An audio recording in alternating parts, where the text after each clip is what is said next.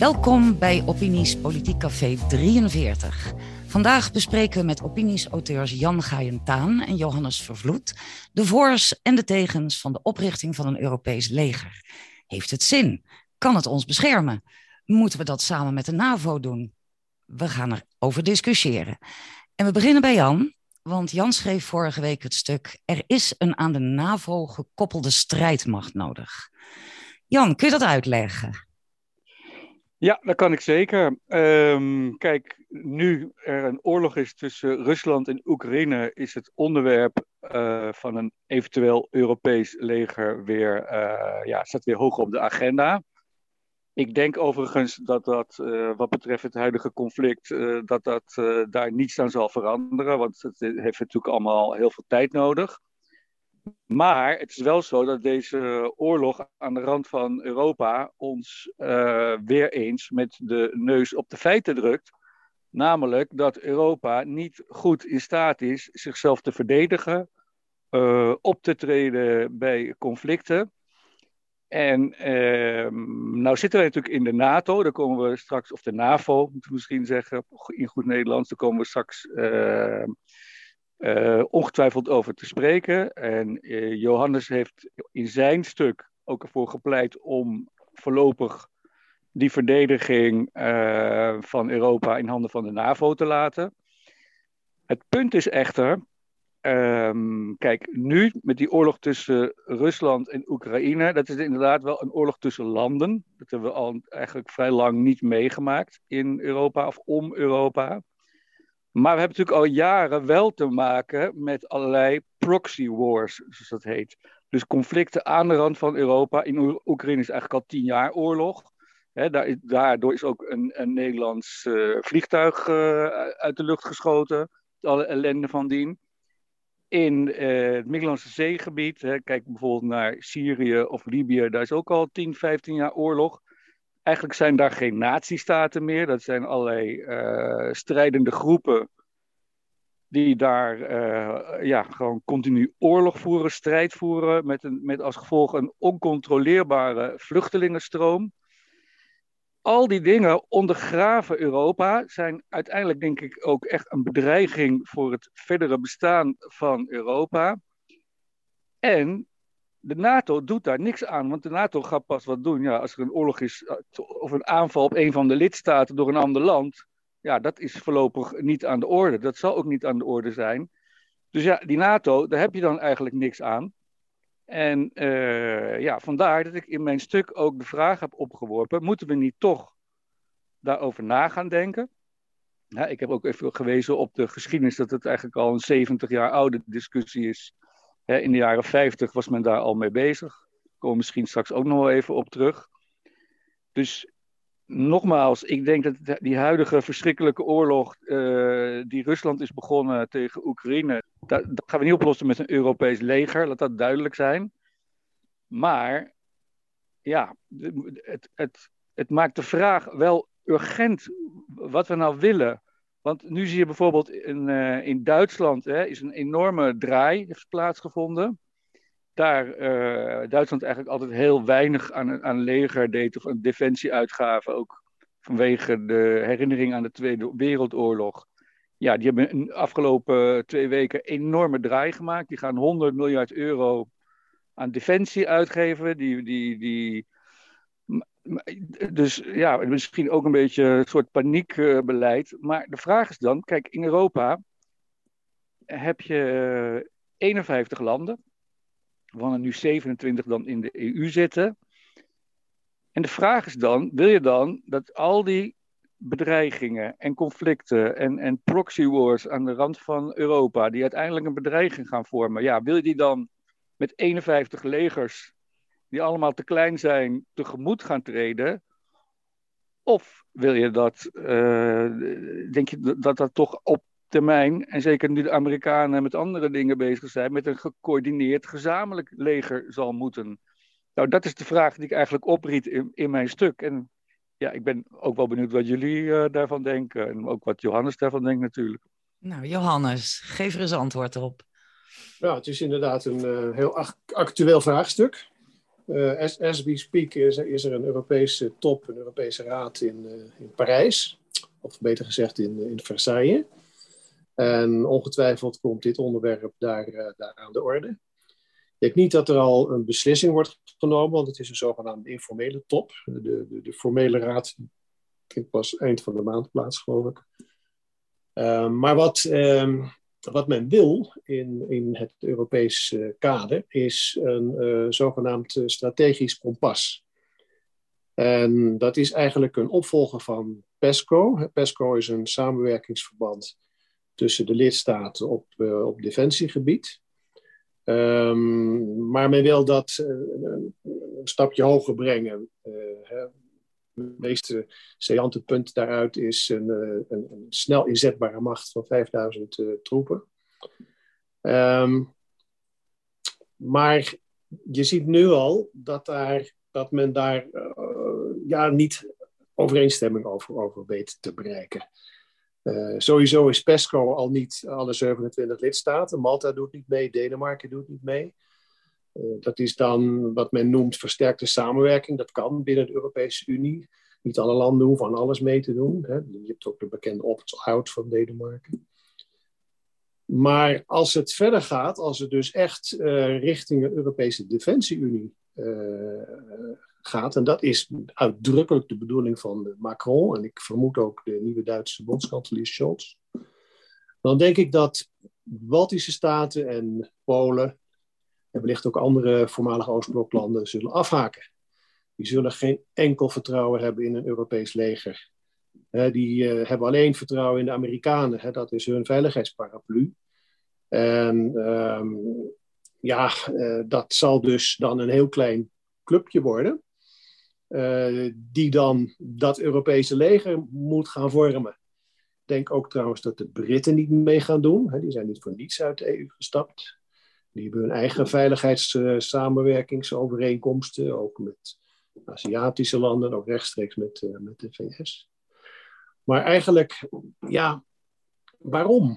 Uh, ik ben het wel met Jan eens dat de NAVO alleen maar optreedt als een van de lidstaten wordt, wordt aangevallen. Maar dat is toch prima? Wat hebben we meer nodig? Ik bedoel, aan onze grenzen gebeurt van alles.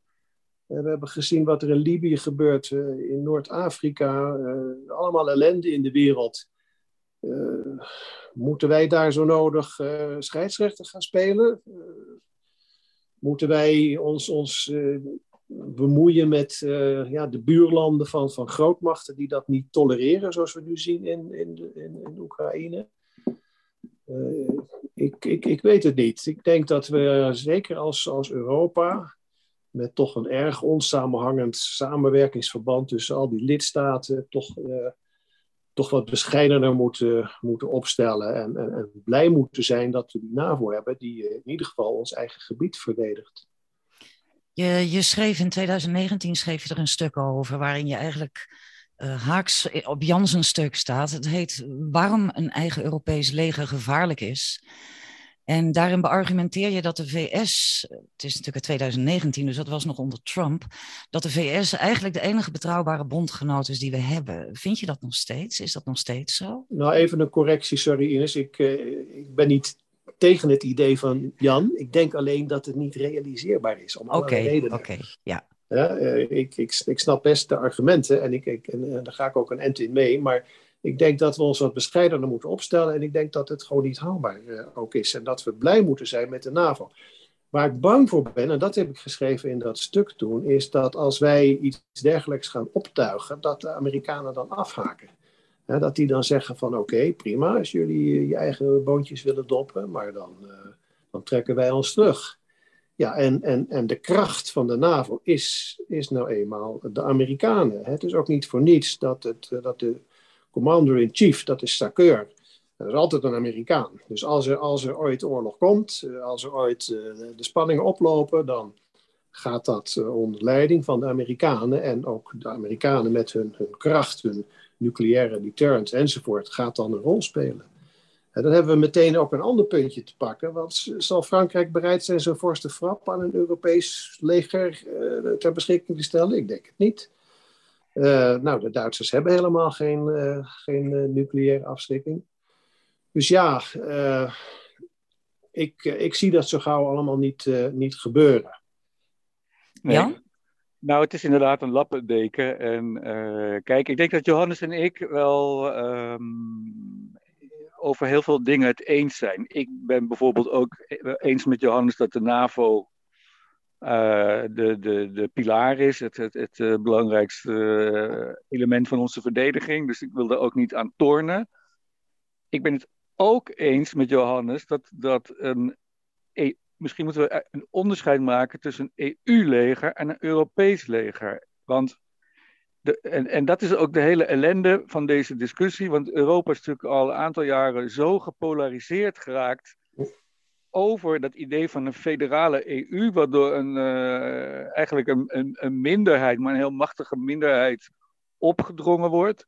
Nou ja, Macron is daar dan toch een voorstander van, in Nederland dan D66 en Volt. Uh, en uh, ook degene die je dan steeds over een Europees leger hoort, bijvoorbeeld Guy Verhofstadt, ja, dat zijn natuurlijk uh, pure EU-federalisten. En vandaar is het ook begrijpelijk, dat zag je ook in de reacties op mijn stuk.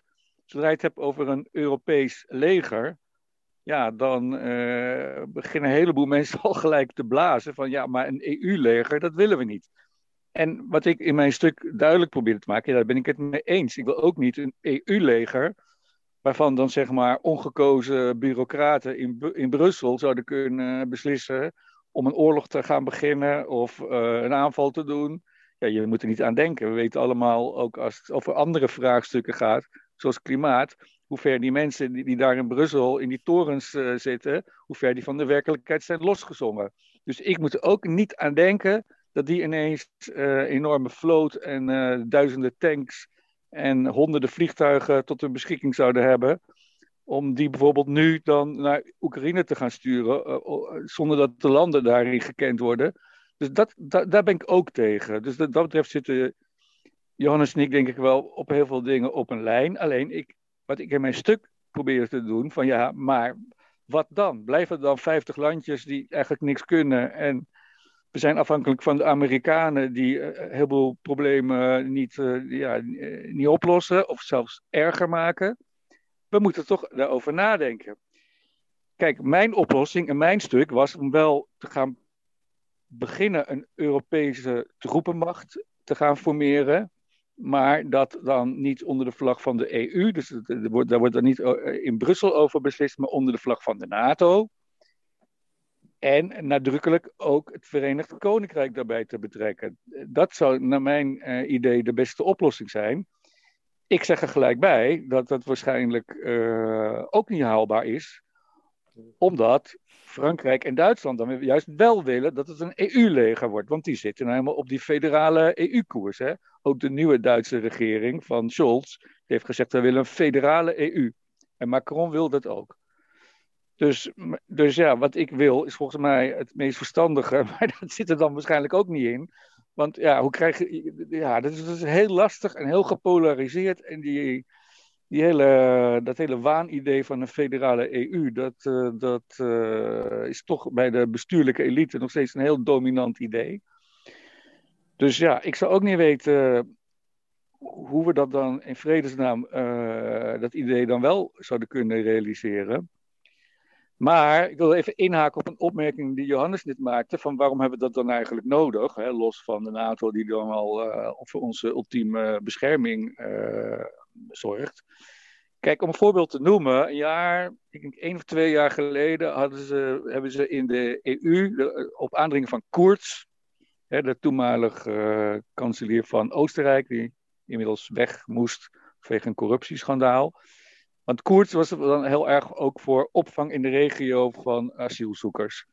En die wilde eigenlijk, en volgens mij uh, Orbán ook, en nog een aantal uh, mensen, en volgens mij stond Nederland er ook nog wel positief tegenover, in ieder geval Rutte, die wilde opvang in de regio, zeg maar een soort Australisch model. Hè. In Australië hebben ze dat sovereign borders, dus daar uh, kun je niet rechtstreeks asiel aanvragen, maar dan, moet je, dan word je ook door de Australische marine eigenlijk gedwongen.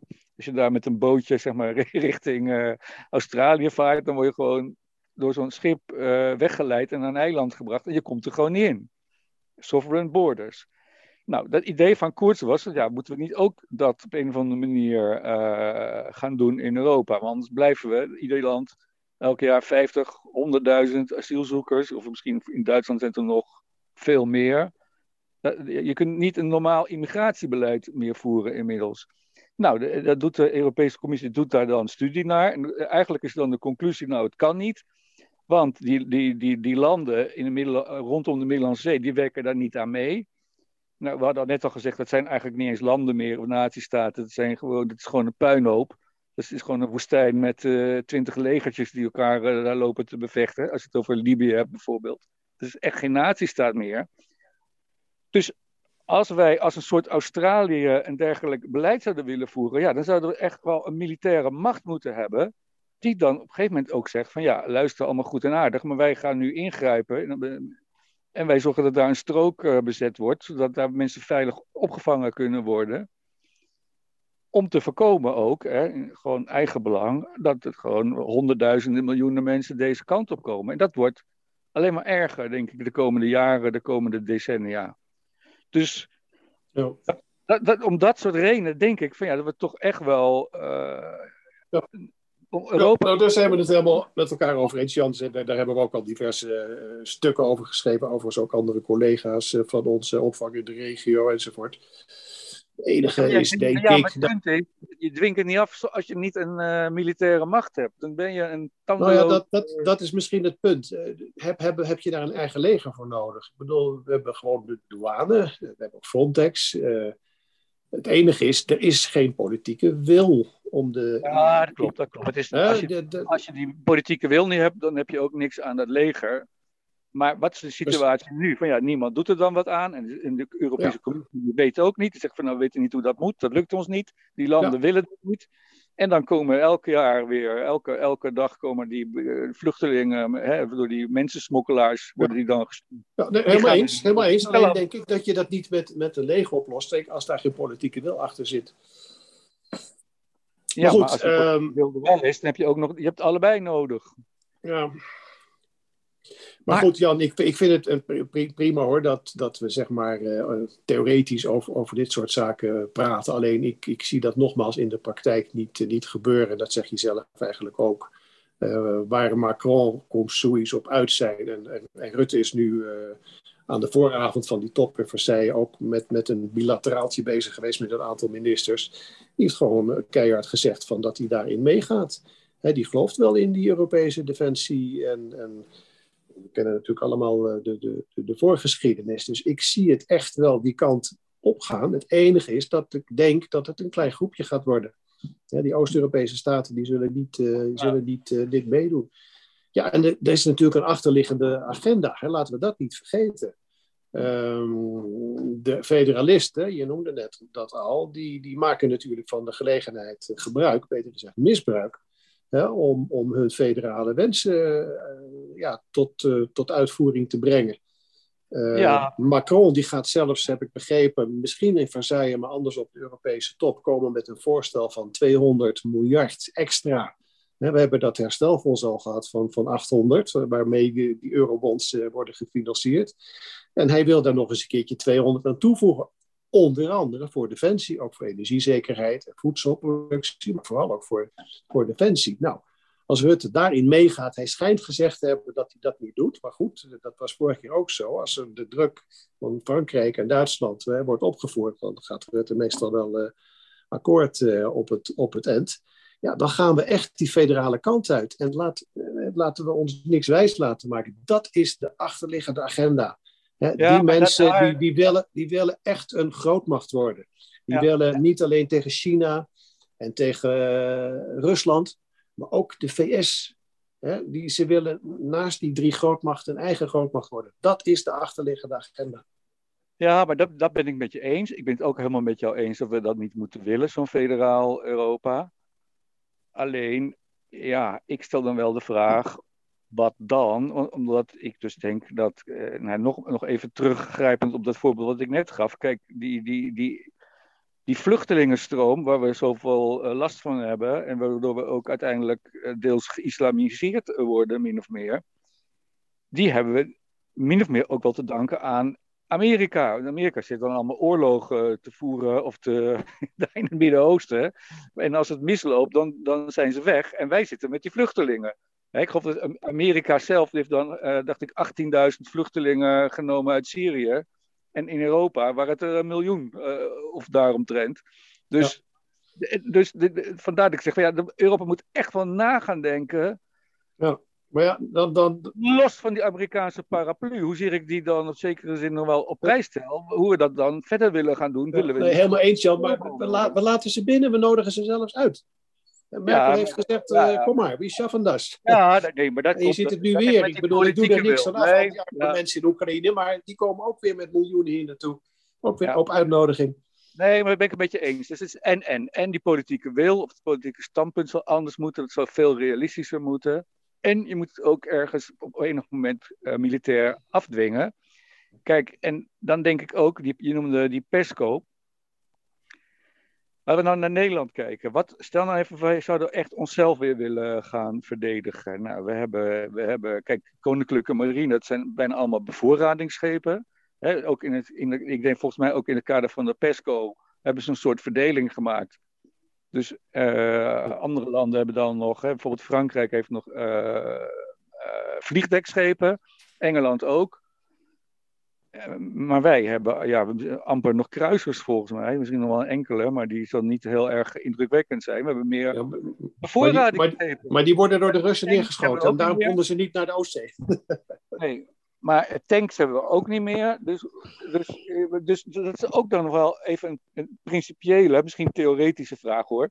Als je dat dan allemaal niet wil, hoe moet, moet Nederland dan weer echt een slagvaardige marine gaan opbouwen? En moeten we weer tanks gaan kopen? En... Nou ja, dat gaat nu gelukkig uh, gebeuren. Hè? Als, je, als je ziet wat Schultz, wat je net zei, hè, die 100 miljard, die 2% uh, wat, wat Trump al toe heeft opgeroepen. Als dat allemaal gaat gebeuren, we, we, zijn geen, geen free riders meer, maar we gaan allemaal onze bijdrage leveren. Dan kun je afspraken gaan maken en dan kan je zeggen van nou, de Nederlanders doen dit of de Benelux doet dit, de Duitsers doen dat, de Fransen doen weer wat anders. en dan kan je binnen het kader van de NAVO dat prima regelen allemaal.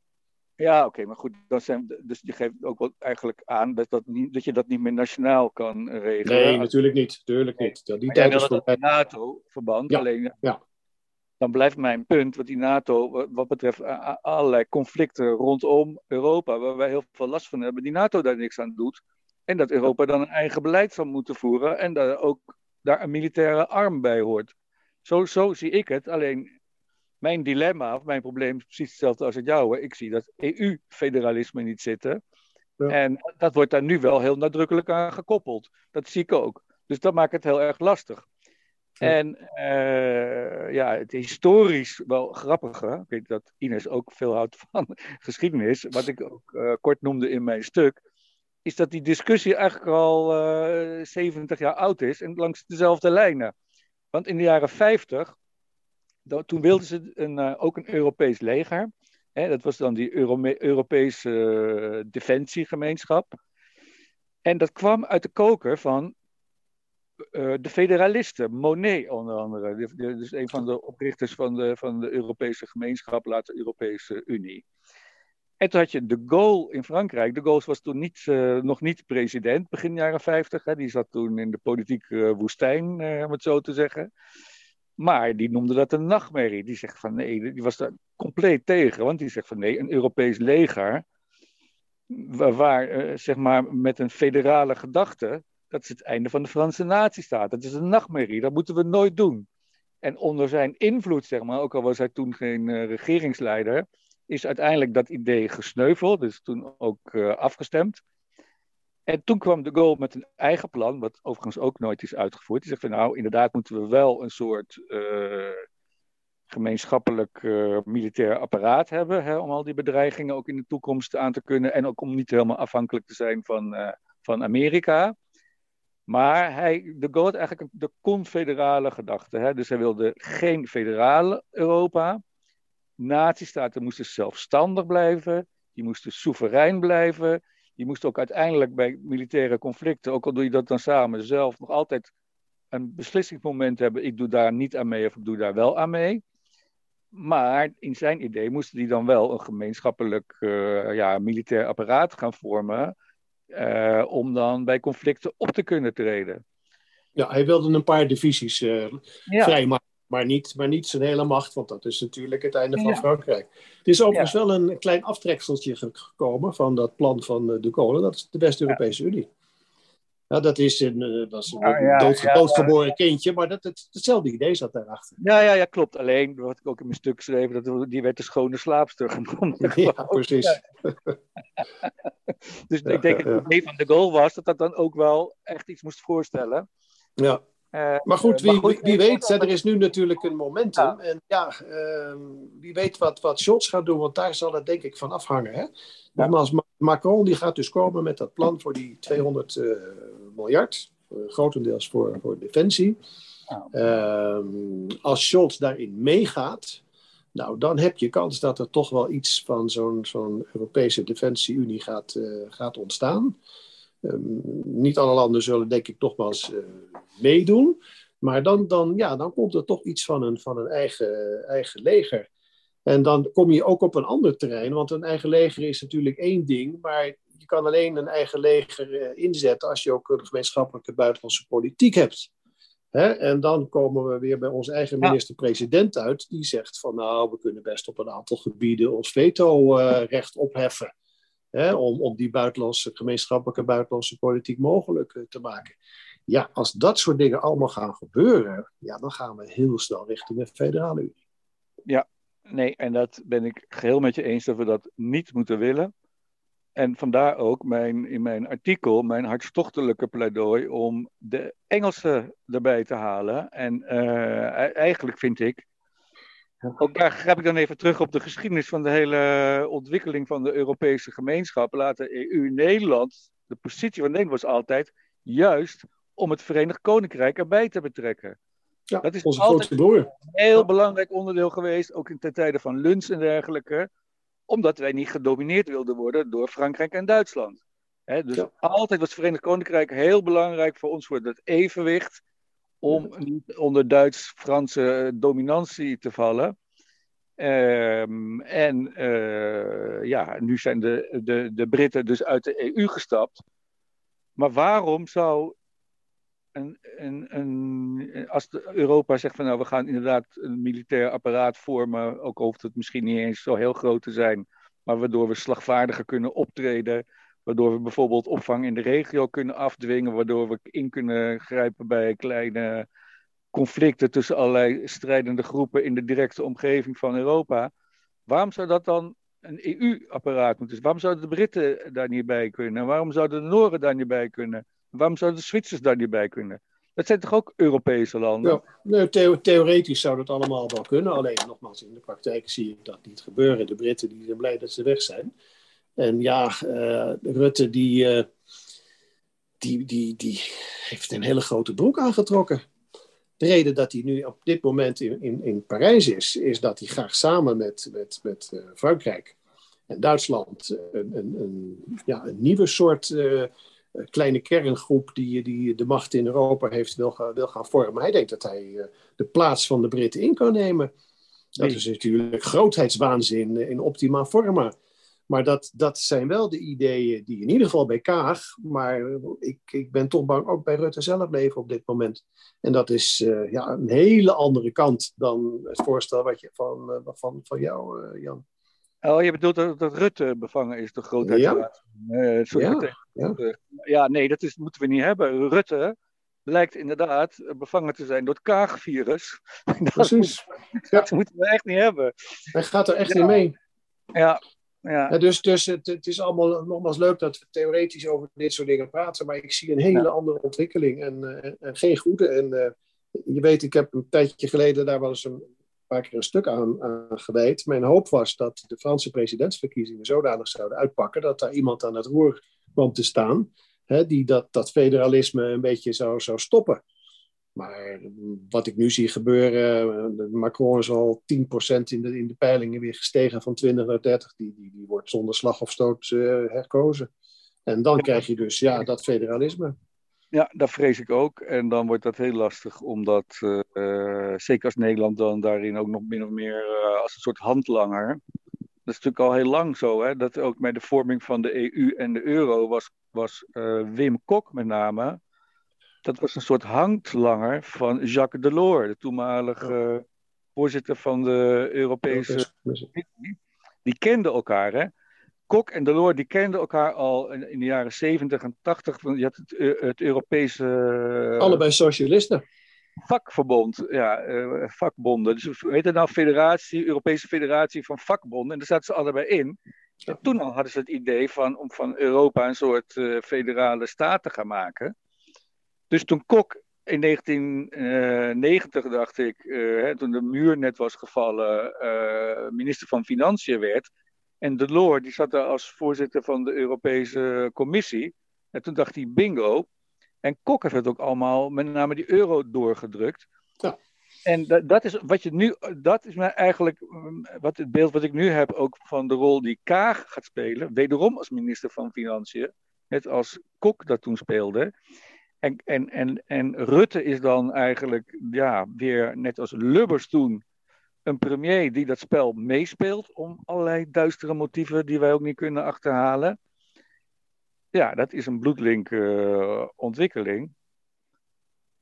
En uh, dus dat moeten we, dat moeten we uh, echt niet hebben. Daar ben ik wel helemaal eens met Johannes. Ik vind alleen, daar verschillen wij van mening, dat je dan uh, zeg maar het standpunt van nou laat het maar verder aan de NAVO over en Amerika verdedigt ons wel.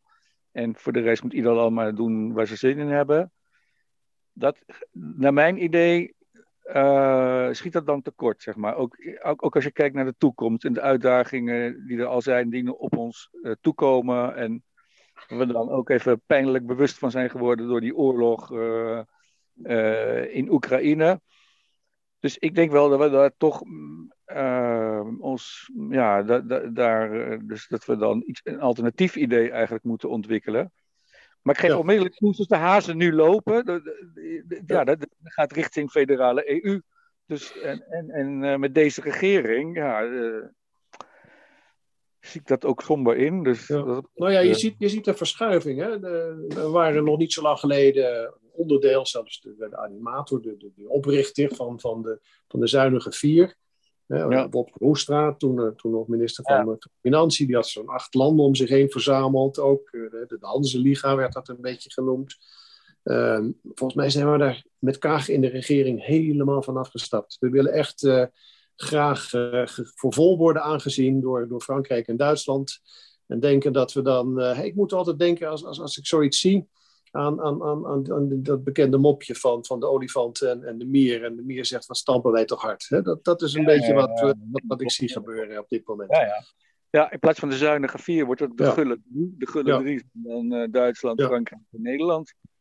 En, maar goed, alle problemen waar we het nu over hadden, ja, daar hoef je helemaal geen federale unie voor te hebben. We kunnen in het kader van een confederatie, een samenwerking tussen soevereine lidstaten, ook heel goed de asielproblematiek aanpakken en een aantal andere zaken. Daar heb je echt een federale unie voor nodig. Maar goed, daar zijn we het over eens, Jans. Ja? Daar zijn we het over eens. Een, ja. uh, confederaal Europa. Ik zou het eigenlijk liever dan uh, weer een Europese gemeenschap noemen. Dus uh, dan, dan maak je het ook gelijk duidelijk. Dus we stoppen met de Europese Unie. Ja. We vormen dat om. Het stuk zit ik nu theoretisch te fantaseren hoor, want dat bepaalt Nederland niet eens, dat bepalen al die landen. Maar zoals ik het zou zien, zoals ik het graag zou willen, kappen met die EU. We maken er weer een Europese gemeenschap van. Met een confederaal idee. We houden wel die uh, interne markt in stand. Dat is uh, een, mooi iets.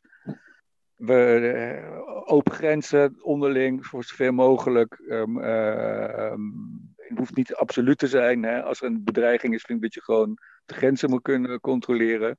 Maar het idee dat je makkelijk reist tussen die landen, ook helemaal prima. Ja. Zelfs de gemeenschap. Nee, dat, was, uh, dat was mooi geweest als, uh, als Macron uh, niet herkozen zou worden. Maar ik vrees dat dat niet staat te gebeuren. Ja, ja nee, dat ben ik met je eens. Want kijk, degene die daar toch nog steeds het beste doet van de anderen is Marine Le Pen. En ik weet altijd wat soms een beetje ongenuanceerd wel tegen Marine Le Pen wordt aangekeken. Het is natuurlijk wel die partij van haar vader.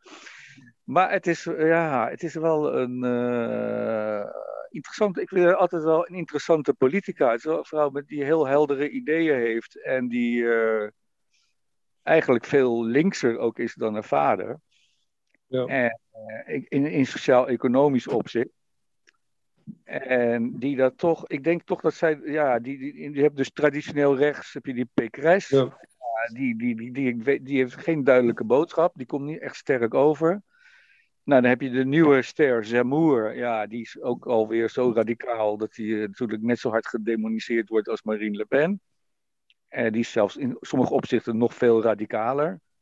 die, wil, die, die, wil echt assimilatie afdwingen. Je mag dan, je, als je een moslim bent, je kind niet meer Mohammed noemen. Maar dan moet je hem Pierre noemen of Jean. Ja. ja. Ik, ik, ik, hoor jullie in het kader van een Europees leger even de hele Europese eenheid hervormen. Ja, ja, ik zat even, en opnieuw oprichten. Sorry, ik zat even kort samenvatten. Het punt is dat die Marine Le Pen eigenlijk zo goed is dat hij waarschijnlijk toch tweede wordt.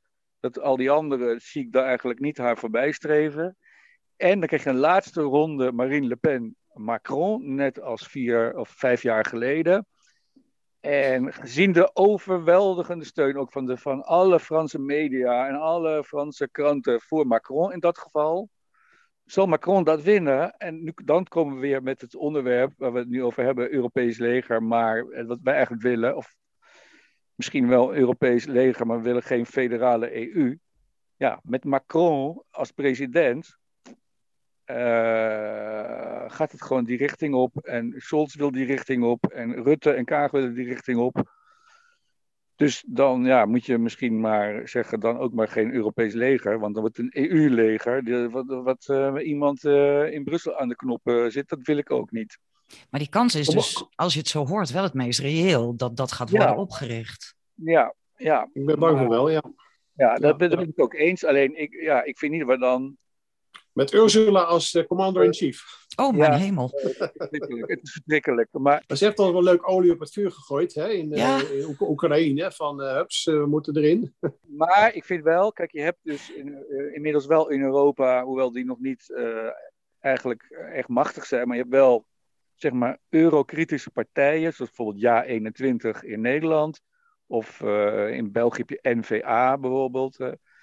Uh, die zijn uh, eigenlijk ook meer, die denken meer misschien confederaal, hè, waar we net over hadden. Dus willen ook geen federale EU. Die willen soevereine natiestaten houden, maar die wel nauw samenwerken in een confederaal verband. En ik, dus als, ik bereken mezelf ook wel tot die beweging. Dus ik zit ook niet helemaal aan de kant van Baudet of zo, die dan dat helemaal niet meer willen. Um, en ik vind wel dat je dan ook moet nadenken over zo'n militaire poot van zo'n confederale uh, Europa. En dus ik, daar, daarbij ga ik dan wel, ook al is dat op dit misschien alleen theoretisch, een stap verder dan Johannes. Te zeggen van nou, laat maar aan de NAVO over. Want ja, de NAVO gaat ons echt niet uh, redden de komende jaren van alle, alle ellende. En, uh... Nou, dat hoop ik wel, Jan. Stel dat uh, Poetin rare dingen gaat doen, dan hoop ik wel dat de NAVO ons redt. Nou, als Poetin Duitsland of Nederland gaat aanvallen, dan wel. Maar van dit soort ellende dus niet. En, en ook, ook niet van, die, van al die vluchtelingen in de Middellandse Zee. Nee, dat niet. Nee, dat, moeten, dat, moeten we zelf, dat moeten we zelf oplossen. Kijk, Trump was een, een, gunstige uitzondering, maar al die andere presidenten hebben het alleen maar erger gemaakt. Maar op het moment dat de vluchtelingen naar Europa komen, dan geven ze het niet thuis. Dus dat zijn wel dingen dat ik denk van ja, dat, leuk met die Amerikaanse vlag. Maar Europa zal toch echt daar zelf over na moeten denken. Hoe we uh, daarover zeker, ja, helemaal eens. Zelf, zelf, meer voor onze veiligheid gaan, uh, gaan zorgen. Ja, en dat, dat zie ik niet gebeuren met 51 legertjes. Uh, dus dat zal, zal toch iets uh, op bedacht moeten worden. Nou, we zullen zien Jan, hoe het afloopt. Hè? Ja. Dan, uh, dan gaan we hier ook maar mee afsluiten, inderdaad. Ja. Met deze, ja, we, we kunnen weinig doen op dit moment dan kijken wat de boven ons gestelden gaan besluiten. Ja, helemaal eens. En, ja, maar het is goed dat, we, hè, dat, dat je over dit soort dingen eens, eens praat van wat zijn überhaupt de mogelijkheden? Wat kan mm -hmm. wel en wat kan niet? Ja. Is er vraagvlak voor? Uh, enzovoort, enzovoort. Want als, als je niets doet, ja, en dat is natuurlijk in zijn algemeenheid waar, waar wij als opiniezet ons niet, uh, niet bij neerleggen, ja, dan, dan beslissen anderen. En uh, als er helemaal geen tegengeluid is, dan, uh, ja, dan, dan, dan gebeurt dat gewoon. Ja. En dat tegengeluid is zo belangrijk. Dat is zo belangrijk. Nou goed, jij, schrijft, jij schrijft er zelf ook hele mooie stuk over. tegengeluid is, is heel, heel opinies is één groot tegengeluid. Dus wat dat betreft. Ik, uh, ik sluit mij daar van harte bij aan. Dan dank ik jullie geweldig weer voor jullie bijdrage. En uh, zeker ook Johannes, die even zo vriendelijk was tijd vrij te maken op zijn vakantie. Dankjewel. Oh jee. Dit was de podcast van opinies.com. Opinies met een Z. Voor de nieuwste bijdragen en columns over politiek en maatschappij in binnen- en buitenland. Het is nog steeds helemaal gratis.